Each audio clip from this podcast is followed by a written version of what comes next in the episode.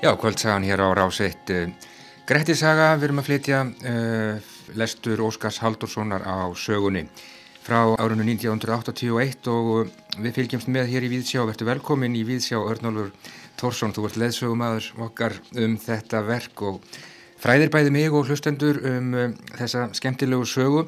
Ef að tala í dag kannski bara um, uh, já, svona vinnubröð þessa höfundar sem að færði Grettisögu uh, til bókar, hvaða, hvaða bröðum uh, beitir hann og, og hvað kannski svona, já, einkennir hans, hans aðferðir? Það kannski er misvísenda nótorðir ritthöfundur eða höfundur um sagnameistarana sem að við getum kallað til ábyrðar á þessum sögum, Íslendingasögum. Eins og við nefndum í fyrra spjalli þá eru sögurnar fljótandi texti eins og Einar Ólafur sagði. Það er, það er engin frumgerð til af neittni sögu Nei. og það eru raunar til svo margar njálur til dæmis að ég man að ég bað Ólaf Halldórsson heitinn eh, einhver tíma að, að eh, taka semst lesbreyði úr öllum þekktum handritum við smá klausu uh, og það reyndist verða þannig að það voru tvær línur á texta og restin af blæðinu var full af tilbreyðum við þessar tvær línur.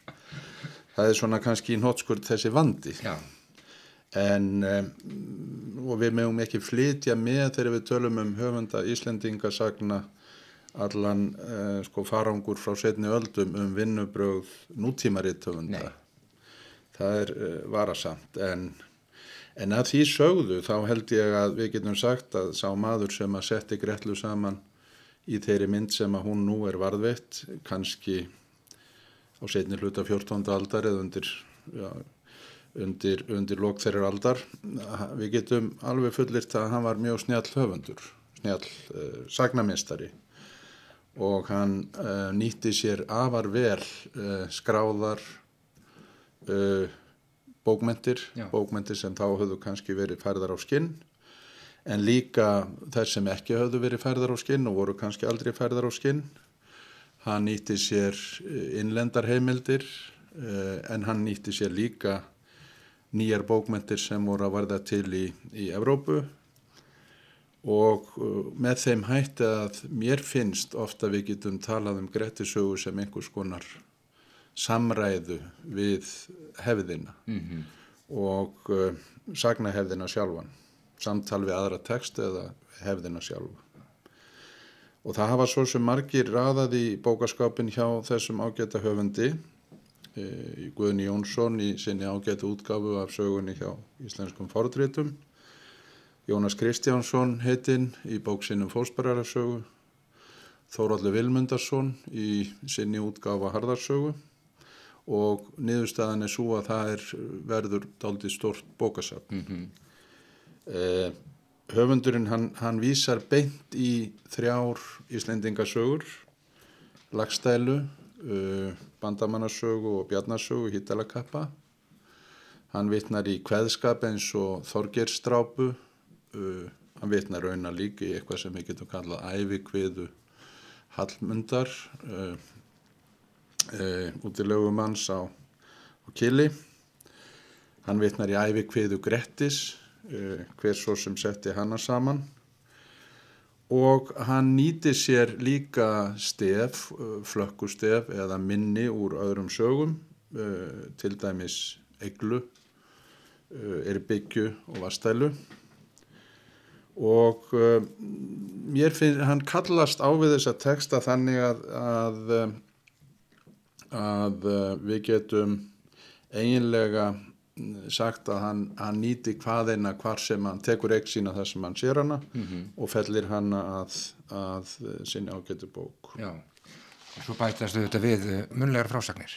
Já, það, er, það eru þessar uh, þjóðsögur, þetta þjóðsagna efni.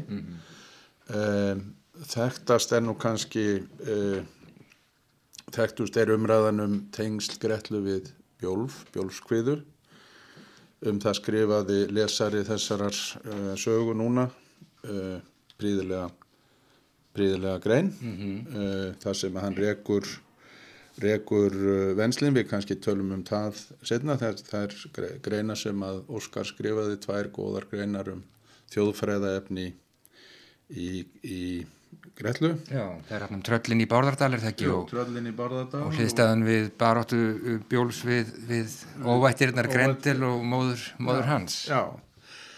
Um, síðan eru tengsl við rittarabókmentir, það er síðustu sex kaplarnir í Gretlu eru með öðrum brag eins og margir hafa tekið eftir.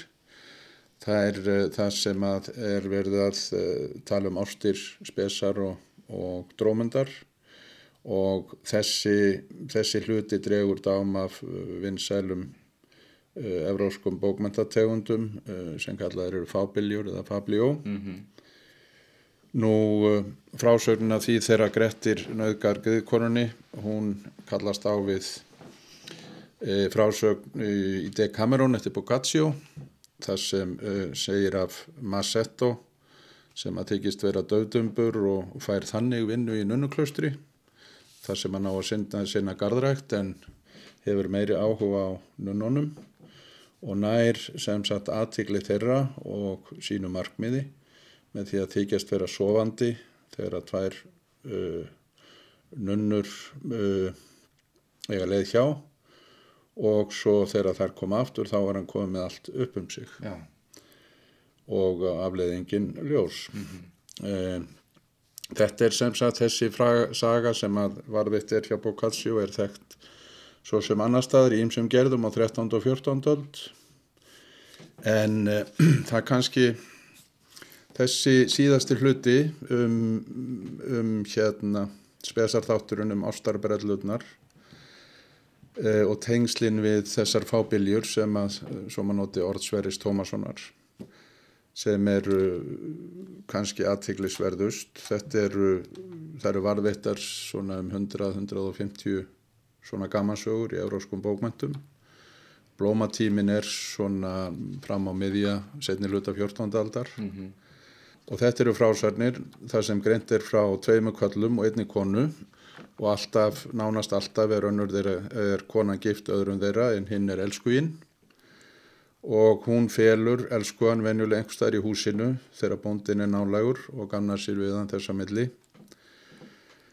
Og uh, oftast fer elskuðin með sigur og holmi í þessum frásörnum en stundum kemur uh, eiginmaðurinn upp um, um uh, eljaran og konuna.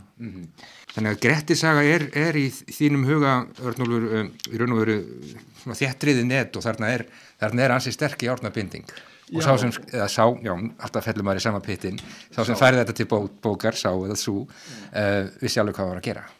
Já, ég sem sagt hef held að mig færa mörg rauk á því að þarna er höfundur sem er mjög vel mentaður í alls konar bókmentum, bæði skrifuðum og óskrifuðum.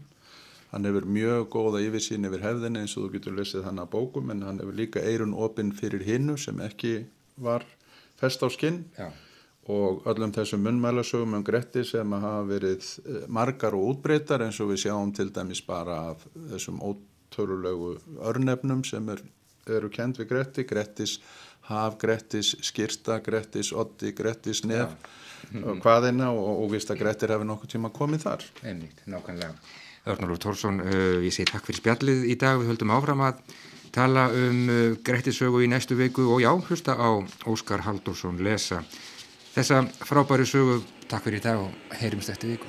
Takk sem leðis.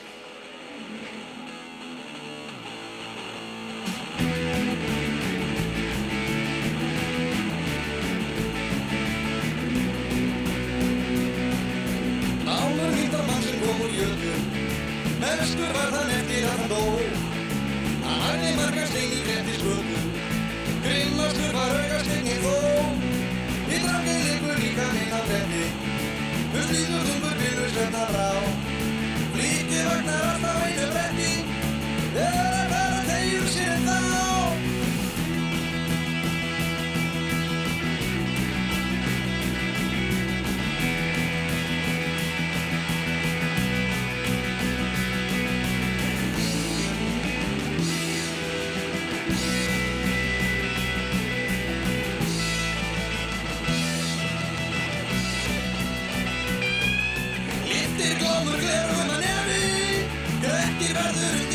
stað Svo rættur að hann heldur varða skeri Hefur varðan halvar í hún stað. Östinur lótsir glirnunar í glámi. Kjá á honum ofuð í því frí. Verðar kasta